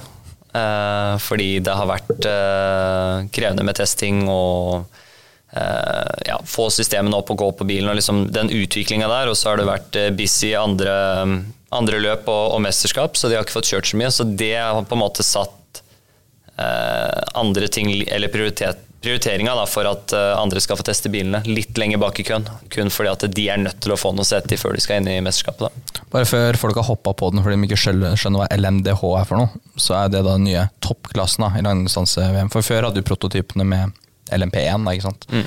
Uh, og det er jo prototyper, mens LMDH er jo mer basert på disse hyperbilene som per def kan ha et skilt. da. Uh, så det er bare egentlig en formell endring, men det er jo da den ultimate toppklassen, og de bilene går vel ikke så mye tregere de enn de gamle LMP1-bilene, gjør det det? Nei, det er, um, det er litt annet reglement bare, men uh, til syvende og sist da, så er uh, målet om å prøve å få bilene til å være mer effektive kostnadsmessig, at ikke det skal være så sinnssykt dyrt som det var i LMP1. Uh, prøve å holde kostnadene litt nede. Um, ja, for LMP-en var vel nesten Formel 1-tall iblant, omtrent? Ja, var det ikke? Jo, det var uh, ekstreme summer. Og igjen, da, når det kun var uh, bil, tre bil, bilfabrikanter på det, fire var det kanskje på det meste, men tre sånn generelt sett. og ja, Seks biler på grinden, liksom, og de summene, ja. det blir litt dumt. Nå er det mange, altså. Jeg så en lista som kom nå. Du verden, altså Hvor mange biler er det i toppklassen nå? Jeg har ikke tellinga, men det, det blir mange. mange. Ja, og dette her er vel noe som en, en, hyggelig bivirkning delvis også av dette budsjettaket i Formel 1. At de lurer på hva gjør vi nå med alle ingeniørene, alle våre ansatte, som vi, vi har dem jo her, og vi vil jo ikke miste dem. Mm. Og da Ferrari blant annet går ut nå og skal kjøre ja, Tøff den bilen her, altså. Ja, ja det var helt sjukt. Du kan som Porsche-mann si at det var ja, ja. Ferrari. Altså. Nei, men jeg må si at De bilene der ser helt sinnssyke ut, og egentlig hvis du ser på alle sammen, så ser de ganske sjuke ut, de bilene. Det er uh, høy teknologi på de bilene nå uten at jeg har tellinga nå, men vi har jo da, altså dere er jo der, Ferrari er der, Alpin er inne, BMW har akkurat lansert en bil, eller var det Cadillac? Cadillac, ja. Peugeot, Peugeot Acura. Ja. Og så videre. men altså det vil si Nå glemmer vi helt sikkert to eller tre til. Jo, jo, men om du da får uh, en fabrikkstatus da, skal kjøre Luma for Porsche Motorsport i en LMDH, altså og den putter ikke noe dårlig før de andre fabrikantene Lambo. Lambo, ikke minst. Altså, Klarer vi nå å sammenligne det nivået? Da, da må vi snart begynne å sammenligne med Formel 1-nivå, det du skal konkurrere mot da, tror jeg. Hvis du ser på bilfabrikantene, så er det jo større. Eh, det er jo flere store giganter som, som er inne, som, eh, som, konkurrerer. og eh, Det ser ikke noen grunn for at nivået skal være så fryktelig mye lavere der enn i Formel 1, egentlig. Men om du da kjører med pallplass på Le Mans, tror du folk da vil skjønne hva du holder på med? Det er ikke sikkert. Det er ikke sikkert. Ja, det, det, er det motiverende å tenke på? ja, men, jeg, jeg, tror ikke folk vil se det, men samtidig snakker du om motivasjon, liksom. Mm. Det holder jo på en måte at de Altså, de som vet, vet. De som vet, de vet. Altså, de, altså, selvfølgelig det er kult med noe alle forstår hva er, men jeg er redd, i hvert fall i Norge, da. Racing vil ikke komme dit, liksom. Altså de som det har jo kommet veldig mye interesse rundt Formel 1 nå også, men de heller forstår jo egentlig ikke hva det å være best i verden i Formel 1 innebærer. da. Nei, det er sant det. Men sånn til syvende og sist, i hvert fall meg som, som sitter i bobla, jeg driter en marsj i det, for å være helt ærlig. Jeg har ikke noe å si hva folk syns eller mener i Norge. Jeg elsker det jeg driver med, jeg veit hvor stort det er. Og de som veit, de veit, som dere sier. Og til syvende og sist, det hva som skjer her hjemme, eller hvor mye oppmerksomhet det får. Jeg er liksom ikke en som huncher veldig etter at det skal være så mye oppmerksomhet rundt det heller. Og, og hvis jeg må grave opp en sånn sti for å få media til å henge seg på, det jeg kommer ikke til å være den til å grave det opp først, i hvert fall. Det var en, et stykke litt grinete Olsen, i hvert fall tilsynelatende grinete Olsen på TV 2 tidligere år, etter at det ble klart at du skulle signe for eh, DTM, og den dro opp en god gammel Verstappen-vinkling igjen. Og, men du sa litt hva du mente da, i hvert fall. da. Ja, altså Det å være ærlig med det, det, det er fair enough, men det at um, at det absolutt må være så mye oppmerksomhet på det, det, det er helt fett. Men liksom det der at det alltid skal være mot Formel 1 hele tiden, det er Ja, det er uh, Det er en selvfølge fordi at jeg har konkurrert mot alle som har vært der. Men samtidig, det er litt ferdig med det. Ja, ja, Aksel sa det så fint i første episoden vår, Alex, med dette med at en ting er altså, Hvis man skal måle hvor bra ting er, så er det på en måte Formel 1 som er Men han i hvert fall kan jo putte andre grener liksom parallelt. da Altså ved sånne stiger ved siden av, ikke nødvendigvis bare under. Eh, men det er da et tegn på at han har jo skjønt greia. da. Ja, ja, altså Aksel kan jo masse masse om uh, biler og motorsport generelt sett. Han er jo genuint interessert. og vi, Første gang vi møttes, han kunne jo så mye om uh, alle typer modeller av Porsche. Jeg ble helt sjokka, for han kunne alt, han. Han kunne jo mer enn meg. Jeg måtte begynne å sette meg inn i dette greiene her, for han, han eh, kunne jo absolutt alt som var der. Vi, vi sa jo til Aksel at han lurte liksom på kunne tenkt deg å kjøre til Le og så var det sånn, ja, ja, og så var det sånn, gjorde han litt oppmerksom på denne med Gentleman's eh, driver, da. Og da så det ut som tente et lys igjen. Ja. Så tenkte du, Han må- ta, så ta den ballen videre, pushe den litt på, på å kjøre Le Må jo ha han som Ja. bronsefører på Lema en gang, eller? Det hadde, vært, eh, det hadde funka bra, det. altså. Jeg tror det. Han er ikke dårlig til å kjøre bil, han. Nei, det hadde funka som søren. Ta en full norsk bil. Det hadde funka, det. Ja, Apropos det, vi hadde jo du, Anders Buchardt var jo med deg, eh, eller du var med han, eller han betalte mer med regninga, han selvfølgelig, som bronsefører med, med AM-status, men, eh, men eh, åssen var det å, å kunne dele bil med en nordmann på Le Mans? Eh, Veldig spesielt. Og jeg tror det var spesielt for Anders òg. Han er jo eh, en eh, topp, topp fyr. Prata masse, masse, helt åpent sammen med Anders og blitt veldig godt kjent med han. Men igjen, det å komme på Le Mans, jeg tror det var liksom en sånn eye-opener for han. Fordi det å komme dit og se hele det opplegget, og hvor mye opplegg det er rundt kun det ene løpet den uka, det er jo helt sinnssykt. Det er jo det er next level, liksom. Så, og jeg tror han var litt sjokkert over hvor stort løpet i seg sjøl var, og hvor hele organisasjonen rundt Le Mans og opplegget, og det var jo til og med under covid-tider, hvor ting egentlig var litt sånn Low-key. jekka ned litt. Grann. Det var liksom ikke helt der hvor eh, det var når jeg var der i 20 med fabrikksteamet. da. Jeg var jo, var jo der, vet du, på den testen. Så møtte jeg og Apropos det du snakker om nå. eh, Du var jo sånn, du og du. Du skjønte ikke helt hva greia var. Jeg så det på deg. Og det kom jo folk bort som skulle ta bilder med deg og alt, alt det klassegreiene der. Du skjønte jo egentlig ikke helt greia. Nei, og Spesielt det året når du var med der med den Ja, 2019, 2019 var jo det, ja. Så jeg tror jeg skulle møte deg i den cateringa. Og så jeg kommer om fire minutter, jeg er, rett, jeg er ferdig med møtet nå, kommer nå, liksom. Jeg brukte jo 40 minutter bort til det der cateringteltet. Det gikk jo ikke an å gå, for da kom det jo folk, og det var litt sånn når du hadde på den der fabrikkstressen, så det var liksom noe annet som skjedde der. Ja, For tror du alle de visste egentlig hvem du var? Nei, det kan godt hende at ikke de visste hvem det var. Det er ikke alltid det er så nøye. Nei. Eh, det er noe med det å, å møte Møte noen med kjøredress? Ja. Ja. Vi, vi kan jo si det, vi spiller jo inn det her på eh, Harald Oismann Karting. ja. Takk til Harald som uh, lånte ut rommet her, Ja. ehm, så snakka vi om at rett utover døra så var det barnebursdag, så jeg tenkte egentlig å foreslå for Simen å bare åpne døra og rope at Dennis Olsen er her, og han tar bilder og skriver autografer. Ja, det funka, det. Ja, Vært bekvem, da. Men eh, du, vi var innom, jeg vil bare tilbake igjen dit. Gnil Dennis litt mer på det her med hvor lei du er de vinklingene mot Formel 1-fører Verstappen. Hvor mange eh, spørsmål får Eller hvor ofte får du spørsmål om dette med Verstappen du kjørte mot den? Ikke sant? For NRK-serien har jo gjort mange veldig oppmerksom på det. Er du, begynner å bli lei det, eller er det litt stas egentlig når du ser hva han tross alt har fått til eh, i etterkant? Nei, altså Han har gjort det sinnssykt bra nå da, i det siste. Og, og man kan jo ikke si noe annet enn at uh, det har vært på samme nivå som han tidligere, i hvert fall når vi har konkurrert. Og, og, og herja rundt i, i gokarter uh, verden rundt. Så kan man jo ikke være så bitter på det. Og til syvende og sist, som, eh, som jeg sa i stad, når ikke man har hatt eh, de finansielle mulighetene som de har hatt, og også med Red Bull da, som backa han opp, eh, opp der, så, så er jeg ikke noe bitter på det. Men uh, igjen, spørsmålet kommer ganske ofte, og det kommer støtt og stadig. Og det er så å si hver gang det er en telefon fra, fra noen medier, så er det alltid en eller annen vinkling mot Formel 1. Og nå er det løp igjen, og hvordan tenker du der, og med gamle konkurrenter og sånne ting. Så det kommer jo ofte, men uh, du blir vant til det. Det er vel da han denga til Ocon på Brasil. Jeg fikk vel noen telefoner bare da, for du, du kjente vel Max av deg sånn som den typen Jeg tror du ikke? Jo da, det var jo egentlig litt sånn som det var i gokarttider, med, han og faren og ja, Nei, det var, det var litt opplegg. Men uh, hvem av dere kjørte hverandre mest av banen? Like tette begge to, vel? Så det er gutten sin det som er faktisk ærlig på det her. det, blir, det blir vel til det, liksom. Altså, man gir og tar, da. Og når, eh, når, du får en, så blir det jo Det går jo en liten faen i det. Ja, for, for, dere hadde vel egentlig aldri de der store mesterskapsgullene fordi dere rett og slett tok hverandre ut? Er det ikke litt sånn jeg har forstått det? Det var hver finale, det. Starte én og to, og vi sto én og to i grusen og var førstemann ut. Men eh, når vi ser på denne lista med Formel 1 for i dag, da, hvem er det du altså, Nå er Nick de Vries inne. Jeg vet at du, det er ekstra kult for din del. Han er jo den eneste som slo deg da i 2014, og skjønte at du kom godt overens med han. Mm. Han dissa deg litt, for jeg pratet med henne i fjor. Han drev og kjørte Formel E. Han dissa litt for at du har fått litt den GT-kroppen. Ja, ja.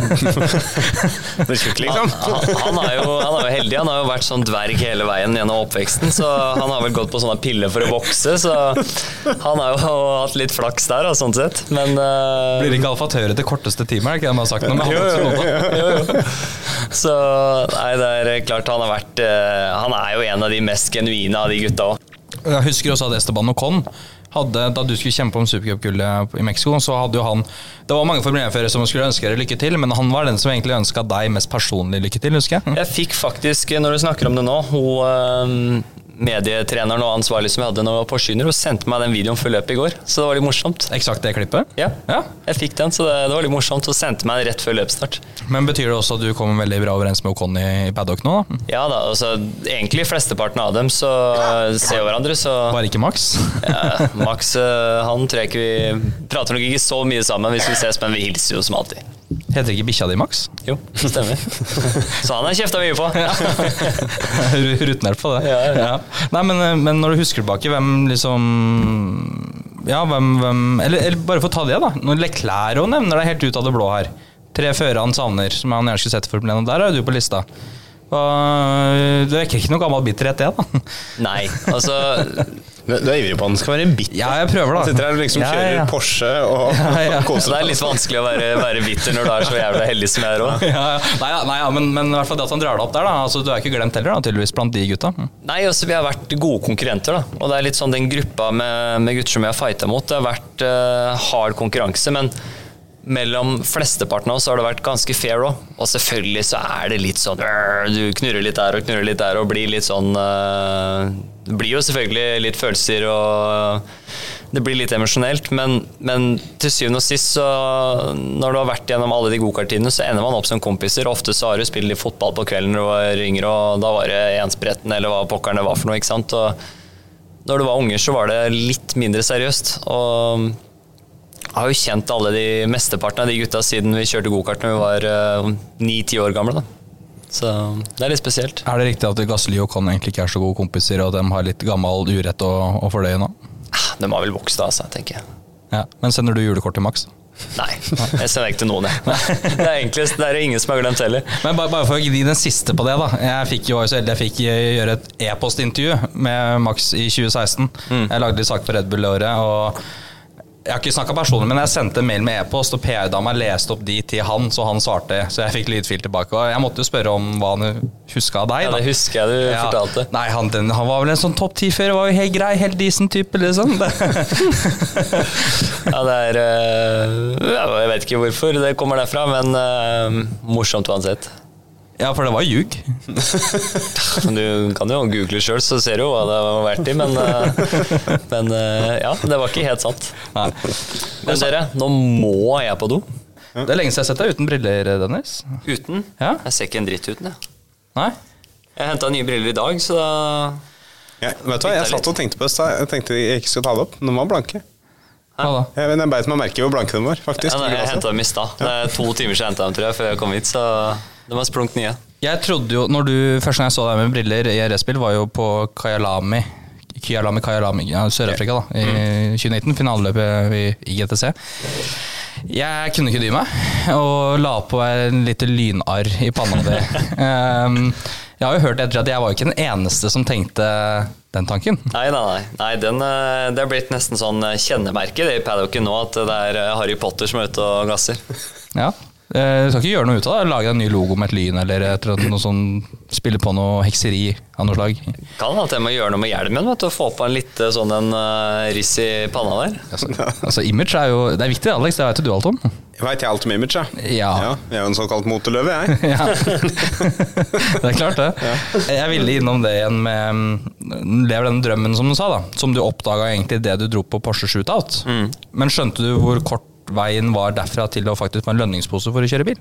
Altså Skjønte jeg at det var mulig med den shootouten? At det var en så kort vei? Ja, på en måte. For du, du er jo ganske godt inn i systemet. Du har på en måte satt én fot innenfor dørkarmen, og så må du prestere for å få med deg det andre beinet. Og det var på en måte starten på et nytt kapittel, da, hvor du kunne virkelig få en mulighet til å, til å leve av motorsport. Men det virker som andre nå har begynt å tenke det. Også, så du har jo bana en vei der, tydeligvis. Det er flere nå enn noensinne av nordmenn som kjører GT på høyt nivå. Flere som er i posisjon til å leve av det, kjøre gratis og, og kjøre på et godt nivå. Altså, hva er det som Hvis du skal se litt stort og, og litt sånn tørre å være litt cocky på det, altså, hva er det du har gjort med, med norsk bilsport der?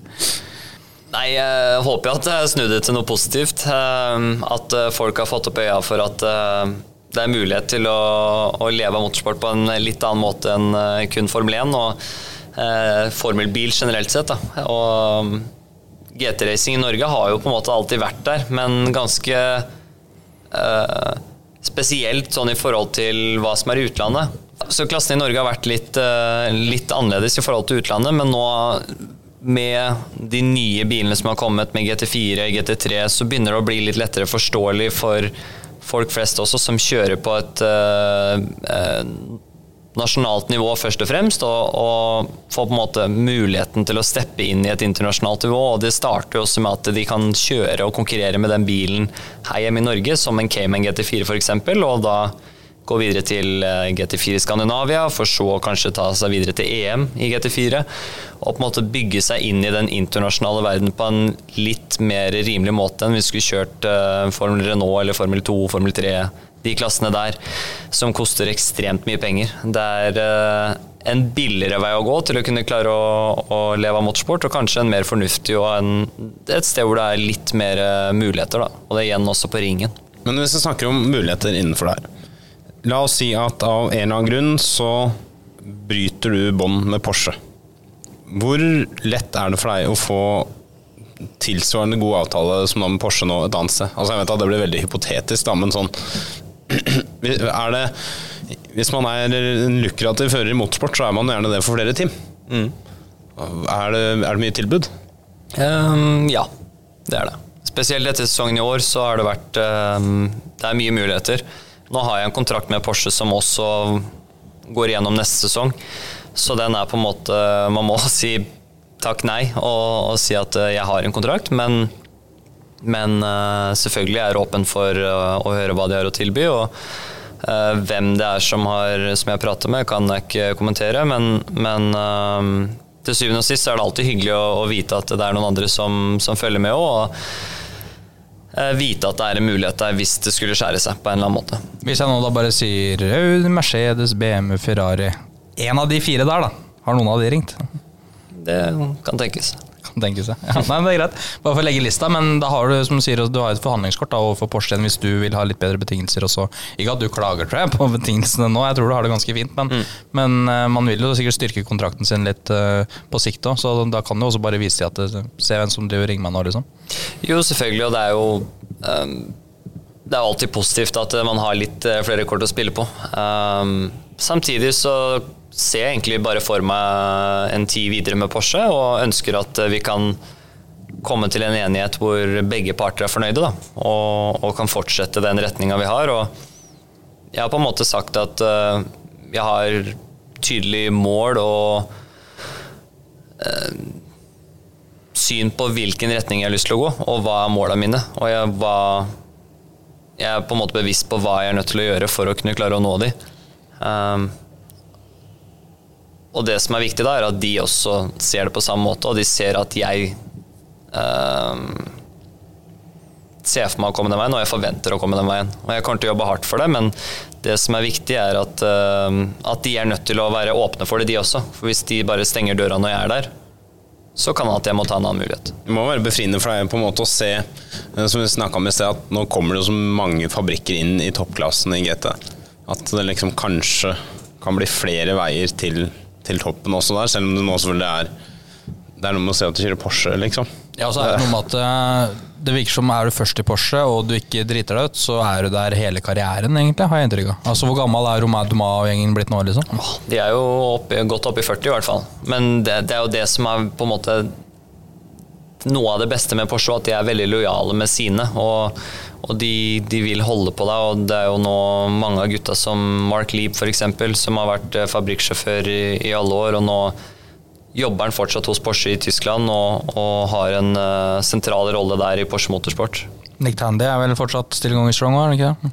Nick Tandy er still going strong. Du har kjørt med han, har du ikke det? Jo da, kjørte spa 20 timer med han. Du, Det som er fett, om det var spa eller nybyring Du hadde Earl Bamber og Nick Tandy og Dennis Olsen. Mm. Bytt ut ett navn der, Alexander. Hvem skal vi ha inn da? Tenk på et spesifikt løp. Med den trioen der. Nå spør du godt. Ja, jeg spør godt. Han, han heter Nico til fornavn. Ja, riktig. Ja, ja. Da, da er du med. Ja. Tenk deg at du har bytta ut uh, Nico Hulkenberg. Da. Ja, det er, ikke, så, det er ikke så gærent. For det var, var det 2015 han kjørte Le Mans med de to gutta? Stemmer. Ja. Stemmer.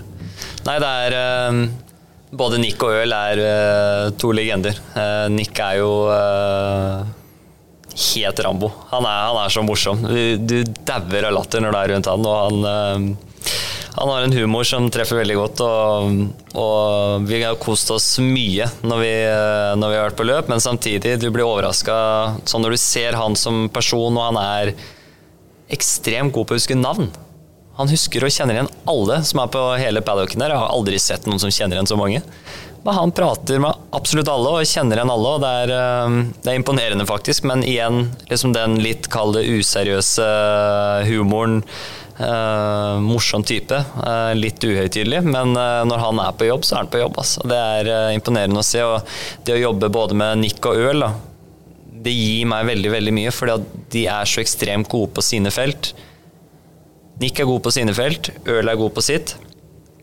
Og det å klare å plukke de små detaljene fra knaggen deres for å prøve å fylle opp min egen, det har vært viktig, og det er noe som har gjort at jeg har utvikla meg mye som sjåfør, og egentlig som person også. da det å dele bil med de ekstremt erfarne gutta. Er det sånn, Hvis du ser internt i Porsche-hierarkiet, sånn, de to, så har du sånn som da Mikael Christensen, mm. uh, Kevin Estré, Fredrik Mako, altså den gjengen der. Men er liksom Nick og Øl er de sånn helt der oppe, liksom? Altså Nei, de er samla. Altså, jeg tenker alle de toppgutta er, uh, er en samla gjeng. Og de er på samme nivå og de har mye erfaring alle sammen, så er det liksom Han ene er god på den ene tingen, den andre er enda litt bedre på en annen. Så du ser det liksom med Kevin Ester og, og, og Michael Christensen nå. Når de deler bil, så fyller de hverandre veldig godt, fordi Kevin er veldig god på kval. Michael er veldig god på fuel save og spare dekk, og få det til å holde gjennom eh, dobbeltstint eller trippelstint. Og så har de da sine kvaliteter som fyller hverandre sine kalde smutthull. Da, Som gjør at eh, de to sammen fungerer veldig veldig godt. Men dette illustrerer også hele det Porsche-hierarkiet. For at vi har jo jamra Jeg husker jeg ble litt skuffa faktisk når, den kontrakten, når du ikke skulle være young professional lenger. Så fikk du ikke fabrikkontrakt. Og jeg skjønte jo ingenting. Um, men eh, jeg skjønte at Porsche forandra strukturen. Da. Det er ikke noe som heter Young Professional lenger. Men dette handler vel om tid. Så det at eh, selv om du kanskje kjører fletta av de aller fleste andre kollegaene dine i Porsche, så er det vel noe med tida som gjør at du ikke er der ennå. For at du har ikke vært der så lenge. Du må liksom oppnå mer og kjøre lenger. ikke sant? Er det sånn det funker? Akkurat hvordan det funker, det er nesten et spørsmål for meg òg. For jeg, du kan jo aldri være helt 100% sikker, men uh, Selvfølgelig, noe tid eh, burde det være, og man burde samle erfaring. og Det har jo mye med nettverk å gjøre også. Men om Laurens, da, som også er en av de der, men du har jo kjørt fra han i år, og flere andre òg, for så vidt. Så ja. Det kan jo på en måte føles litt urettferdig, og spesielt etter i år, da, hvor vi har slått uh, Laurens uh, Jeg tror det var ett kval han tok meg. Eller to, muligens, av, uh, av ja, alle. han starta bedre enn deg, to første løpet var han bedre enn deg. Ellers Ja. så har du vel tatt den etter det, tror jeg. Så, så ellers så På en måte så kan man se på det som at det føles litt urettferdig, men på en annen, annen måte så tenker jeg at eh, det kommer en tid for det òg. Og det å bare fortsette beviset. Så hvis ikke de har noen grunn til å ikke gi meg det, og de ikke gir meg det, så ok, da, Da har du noen andre telefoner du har fått. Så. da går det an å gå til en annen retning, da. Ja. I så fall, hvis det skulle være sånn. Men på et eller annet tidspunkt så Hvis de ikke har noe å klage på, og hvis de har spurt etter feedback, og de klarer ikke å komme på noe feedback som jeg må jobbe med, så sier det seg sjøl hvilken retning det går, da. Men har du dårlig tid? Føler du at den fabrikkskontrakten den må du få undertegna snart, eller? Nei, den var skrevet under for to år siden. Ja, men Så- jeg tenker på den, far, den formelle som gjør at oh, ja. det er høy, høy stopp. Ja, jeg vet du har godt betalt av Porsche, det er ikke det. Men, eh, men jeg tenker på den statusen. Altså den kontrakta. Når Mm, nei. skal du ha den? Nei, selvfølgelig. Jeg skulle ønske jeg kunne hatt den nå, men akkurat sånn som det ser ut nå, så, så Men til syvende og sist det er mer en status enn noe annet, egentlig. Så jeg tenker det at uh, det kommer når det kommer. Jeg pusher på for å selvfølgelig få det, men jeg ser ikke noe Den ble fanga opp av alle mikker Alex. Vi myta mikken til Alex nå for å få vekk den hosten. Altså, det gikk ikke. En liten diskré host fra Silje der. Ja. Går det bra med deg? Nei da. Du tenker ikke på det, bare fortsett. Er det covid? Jeg håper ikke det. Nei, jeg har ikke tenkt å sjekke. Ja, du har ferie du nå, har du ikke? Jo da. Ja. Er ikke det deilig? Altså To-tre måneders eh, juleferie før Daytona? Det er eh, en litt rolig periode, men samtidig noe som skjer. da. Nå som vi snakker om kontrakter og sånn så er det jo det at man er jo inne og diskuterer og forhandler hva man skal gjøre, og, og selvfølgelig eh, andre ting. Så det er jo mye tanker da, i den perioden her. Det er ikke så mye kjøring og reising, men uh, nå som man kan ta alt på telefon eller på e-mail og på nettet, så går det hjemmefra. Men det er mye, mye som går opp i hodet, og mange tanker som, som spinner da, i forhold til uh, ja, diskusjoner eh, og, og kontrakter og, og mesterskap neste år, hva som er planene og ja. Ja. Fordi det, jeg tenkte på, var hvis du sammenligner år i år med 2019 Ehm, Du hadde en helt vill reiserute i 2019. For da kjørte jeg GTC Intercontinental. Da kjørte jo Christian Krognes òg. Så da var dere på fem Det er bare fem løp, da, men over hele verden. da Og du kjørte mye i USA. Du hadde oppdrag i Europa. Jeg lurte på om du kjørte på løp i Asia. Jeg vet ikke om jeg Kjørte vel to eller tre løp i Asia og en ja, IMSA. Ja. Jeg vet ikke om du hadde dame det året der, men åssen har det vært i år med tanke på reise og familie og venner og altså, hele den sulamitten? Altså, hvordan, det har vært, gått litt roligere for seg nå, eller? Ja, i år har det egentlig vært øh, nesten så jeg syns det har vært for lite. Uh, det har vært eh, Selvfølgelig, det at det er mye kortere reiser, gjør at det kjennes ut som det er mindre reising generelt òg, for at du skal bare til Tyskland. Det er to timer, eller 1 time og 40 på fly, så du er jo der tvert. Men igjen, når du skal ned til USA og, og endre tidssone, så må du reise litt tidligere, og ja, alle reisene blir litt lenger. Men samtidig så digga jeg når vi var og kjørte i USA. Det var eh, kult. Og det er en litt annen type racing, litt annen atmosfære som jeg syns var kult. Um, så helt klart det at ehm, hvis jeg kjører i USA igjen neste år, så hadde det vært eh, morsomt. Det er i hvert fall de endurance-løpa i Imse. Litt nedtur. Jeg dro til Laguna Seca ja, for å se på Dennis og Christian, og da skal Dennis finne på å bryte det løpet. Det var jo Det var jo litt uforskyldt òg. Det var teknisk, var det ikke det? Jeg vet ikke, men det var jo litt sånn Ja ja, det var han, da får vi se på Christian. Da. For drit i den som kjørte rundt med en sånn golfbil rundt resten av banen. der for vi leda jo med 40 sekunder, vel? Ja, det var noe sånn. Det var i hvert fall kjempeskuff at du brøt, husker jeg. Vi leda med stor margin, men jeg husker, og så var det drivaksel, kan det være? Kan eller et eller annet sånt. sånt. Eller diffen, eller noe sånt, tror jeg det var. Men det var i hvert fall et eller annet som gjorde at ikke vi ikke kunne fortsette. Men det var jæskla skuffende, for vi leda med masse. Der hadde vi stålkontroll. Den Porscha var bra på Laguna Seca, altså. Funka der. Ja. Jeg hører liksom Laguna Seca, jeg snakker om uh, eh, Ringen, snakker om Mount Panorama, snakker om uh, alle disse banene. Klarer du å gi en kjapp topp fem? Vi har jo fått topp to. Så det er jo da Nürburgring. Så er det Bathurst. Nummer tre må bli Spa, tenker jeg. Kanskje Kailami nummer fire. Faktisk en sinnssykt ålreit bane. For det er ikke noe track limits, ikke noe bullshit der, så det er veldig ålreit. Fem Silverstone.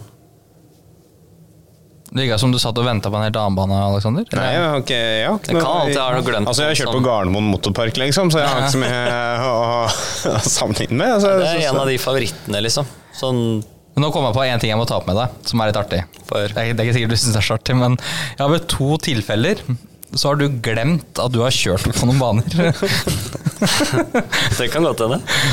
Og det ene er jo at eh, du mm, nekta hardnakka for en gang at du kjørte mm, har kjørt på Watkins Glen.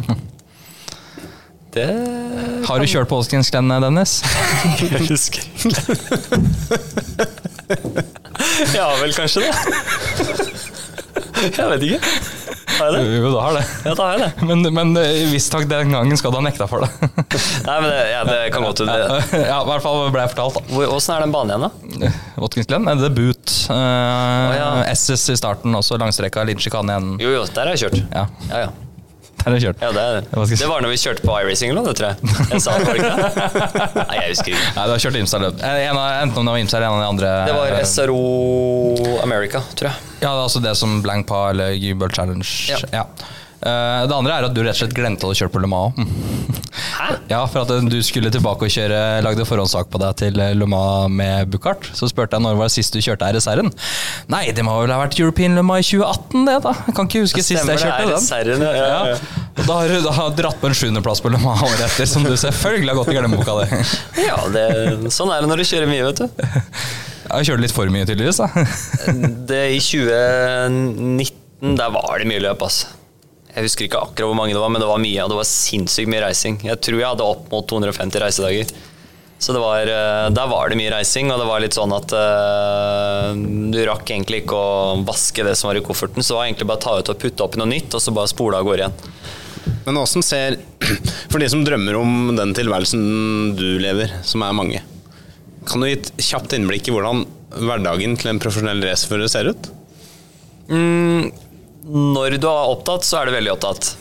Da er det typ eh, Du reiser i en bag, og du har den bagen, og det er skapet ditt og leiligheten, og alt sammen i én svær Puma-bag som vi har fra Porsche.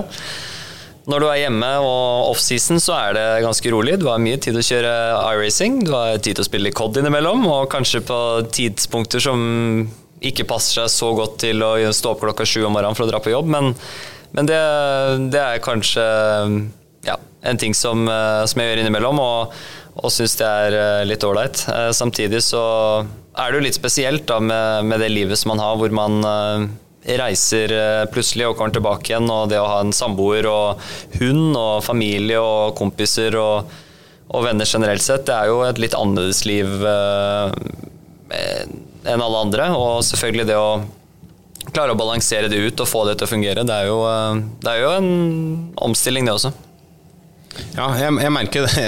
Vi, vi, vi kjører jo litt iRacing. Jeg, jeg kjører minst her, men jeg syns alltid det er fascinerende liksom når hvis jeg og Simen jeg, har liksom fått kara meg til å få inn en time der sånn på tampen, og så er det liksom idet jeg skal til å liksom finne kvelden fordi jeg egentlig er altfor seint oppe, så hører jeg sånn «Ha- Hallo, gutta!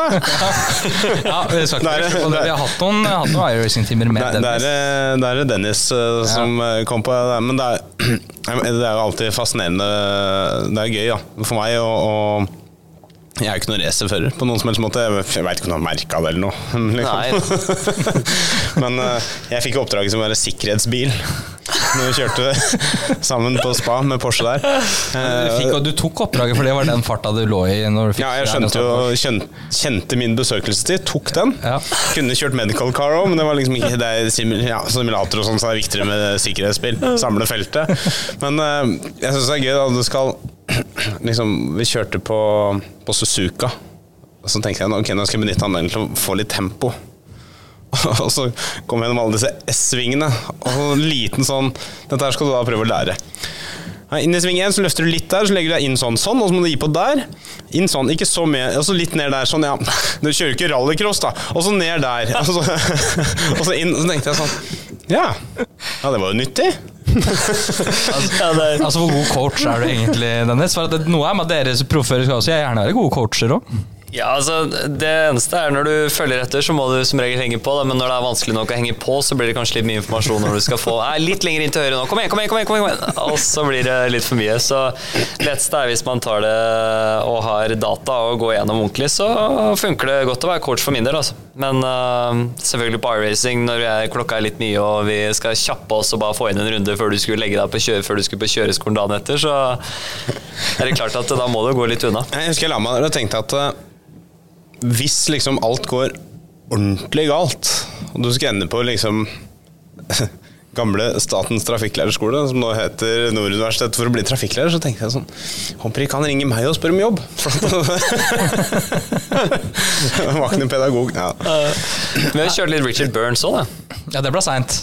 Men det ante meg ikke at du liksom hadde den teften for alle. Da. Så jeg blei litt øh, Ikke lei meg, så var det litt sånn nedtur at du da med et sånn GT-ratt driver og kjører like fort som jeg, som har rallyoppsett på riggen mitt, liksom. Jeg holdt på å klippe av alle fingertuppa da, med det rattet, men uh, utenom ja. det så gikk det jo fint. Men, men, det vi dreiv med, bare for å ta det da, når vi først har det på, på rec her altså jeg kan se for meg Sånn er dere bilsportutøvere og egentlig idrettsutøvere generelt. Når man begynner å pushe hverandre på hundredeler hele tida. Altså, man gir seg jo aldri. Altså, men det er kanskje sånne ting som gjør at man blir god. Da. Altså, når man sitter da til halv fire om natta en hverdag fordi en, en kan ikke tape den duellen, liksom. Nei, det er, jo, det er jo litt sånn, da. Og da er jo jeg litt eh, B-menneske, og jeg, jeg, jobber heller lenge om kvelden enn å stå opp grytidlig og så sover jeg heller litt lenger. Så for meg, så hvis jeg skal sitte og ordne med prestasjoner, eller hva enn det er for noe, så er det best for meg på kvelden, for da er det ingen som ringer. Ingen forstyrrelser, og så kan du være supereffektiv den perioden. Mens om morgenen så er jo folk våkne allerede, og da er det alltid noe som skjer, og du får en telefon her, og kan du fikse det, eller Og da blir det liksom Så for meg, da, så nyter jeg mest det der å opp om kvelden og, og holde på da, og det er eh, Selvfølgelig, det passer jo ikke absolutt eh, alle best det, som skal opp klokka sju om morgenen dagen etter sjøl og, og, kjøre. Så ofte så sitter man og nitrener aleine. Og når vi kjørte litt Richard Burns da, så det, det, jeg fant noen sekunder i løpet av kvelden der før du våkna igjen. Jeg sendte deg noen splittyr, og da var han ikke så jævla fornøyd når han våkna. i hvert fall. okay, det var en dårlig start på dagen. Men, men, eh, jeg ble litt overrasket at du hadde en drive for rally. Klart Faren din har jo vært kartleser i rally, og du bor jo, jeg kommer jo fra et område som er rally tungt, men har, eh, jeg har aldri sett deg konkurrere med løst underlag eh, før. Har du tenkt den tanken, å prøve noe i den dure? Mm, det har egentlig ikke vært så mye tanke på det selv, men, men selvfølgelig hadde det vært kult å prøve. Um, pappa sin tanke var jo det at jeg skulle kjøre rally den gangen. Jeg kjørte gokart liksom neste da var å kjøre rally, men det, det, ble det jo ikke. Det var det Tom Erik Hauger også sikkert tenkte med sin undersåtte, tror du ikke det? Jo, det kan nok hende det, altså. Og det er, det vi sånn. kjørte mye på isen og sånn òg, som var uh, sinnssykt moro, så det har jeg nytt mye.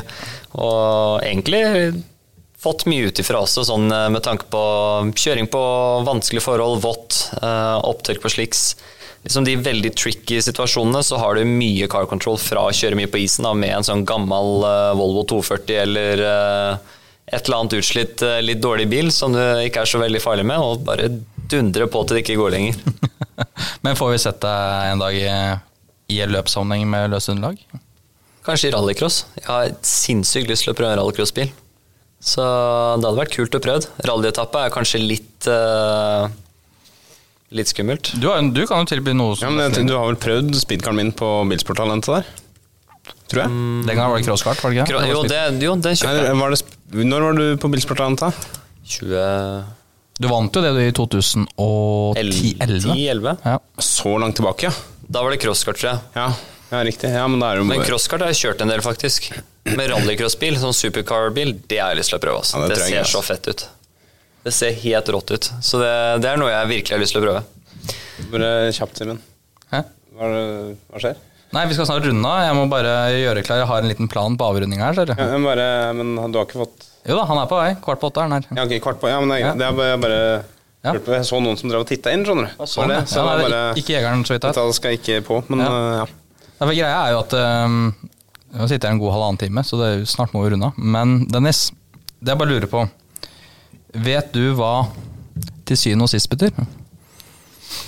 Helt til, helt til slutt.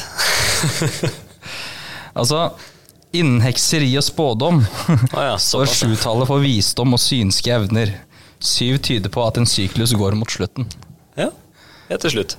Var det en grei avrunding på dagens episode, eller? Jeg syns det var litt brått, kanskje. Ja. Men, men, men det er jo så Jeg hører jo at du har mye på hjertet, da. Så jeg tenker jo eh, Det her må vi gjøre igjen.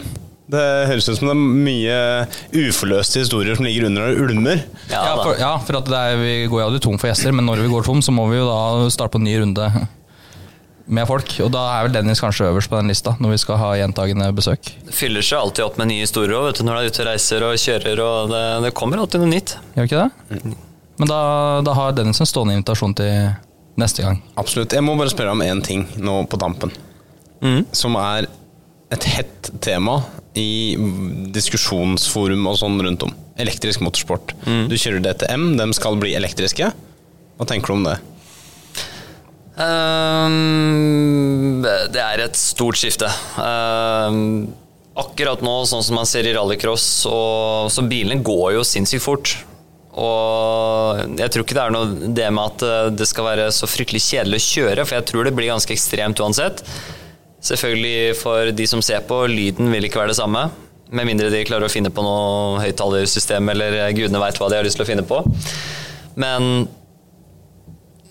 det er ikke tid for det enda uansett, for utviklinga er ikke det, spesielt for langdistanse. Og, og kanskje sprintløp vil det fungere greit, men jeg tror det som kan være kult da, med elektriske biler, og spesielt mot DTM, er at um, det kommer til å gå veldig likt. Man kan også ha noe som push to pass, en litt ting for å gjøre løpa ekstremt interessante. Da. Og igjen, det kjøreteknisk så vil det være nye utfordring, det med å kunne regenerere maksimalt. og Det er jo litt det som har vært i ra- rally-VM nå, da, at, eh, å, å takle de systemene best mulig. og Det er jo en ny greie for oss førere som vi må bli vant til. og Kanskje man er den som klarer å takle det best der og da. Så, men det er en tid for alt. Men, men akkurat nå så tror jeg ikke elektrisk motorsport er der helt enda, men det kommer til å komme. Men akkurat når, det er spørsmålet. Og jeg kommer til å digge å kjøre selv om det er en elbil, tenker jeg. Men det er litt annerledes. Så du blir med på reisen? Ja da, vi skal bli med. Ja, Så bra. Enkelt og greit, da runder vi av der. Og tusen hjertelig takk, Dennis. Kule historier. Vi har skjønt at du er alt annet enn tom. Og vi har nok flere spørsmål på lur, ja, men vi lar dem mørne litt med tiden. Så får du ha god juleferie. Jo, takk like måte. Og lykke til på Daytona, og lykke til med ny GT3 R-bil. Takk, takk, takk. Av med hjelmen er en podkast produsert av Parkferme med Alexander Wiik og meg, Simen S. Hagen. Har du spørsmål eller kommentarer, så er det bare å kontakte oss på amh at parkfermé.no.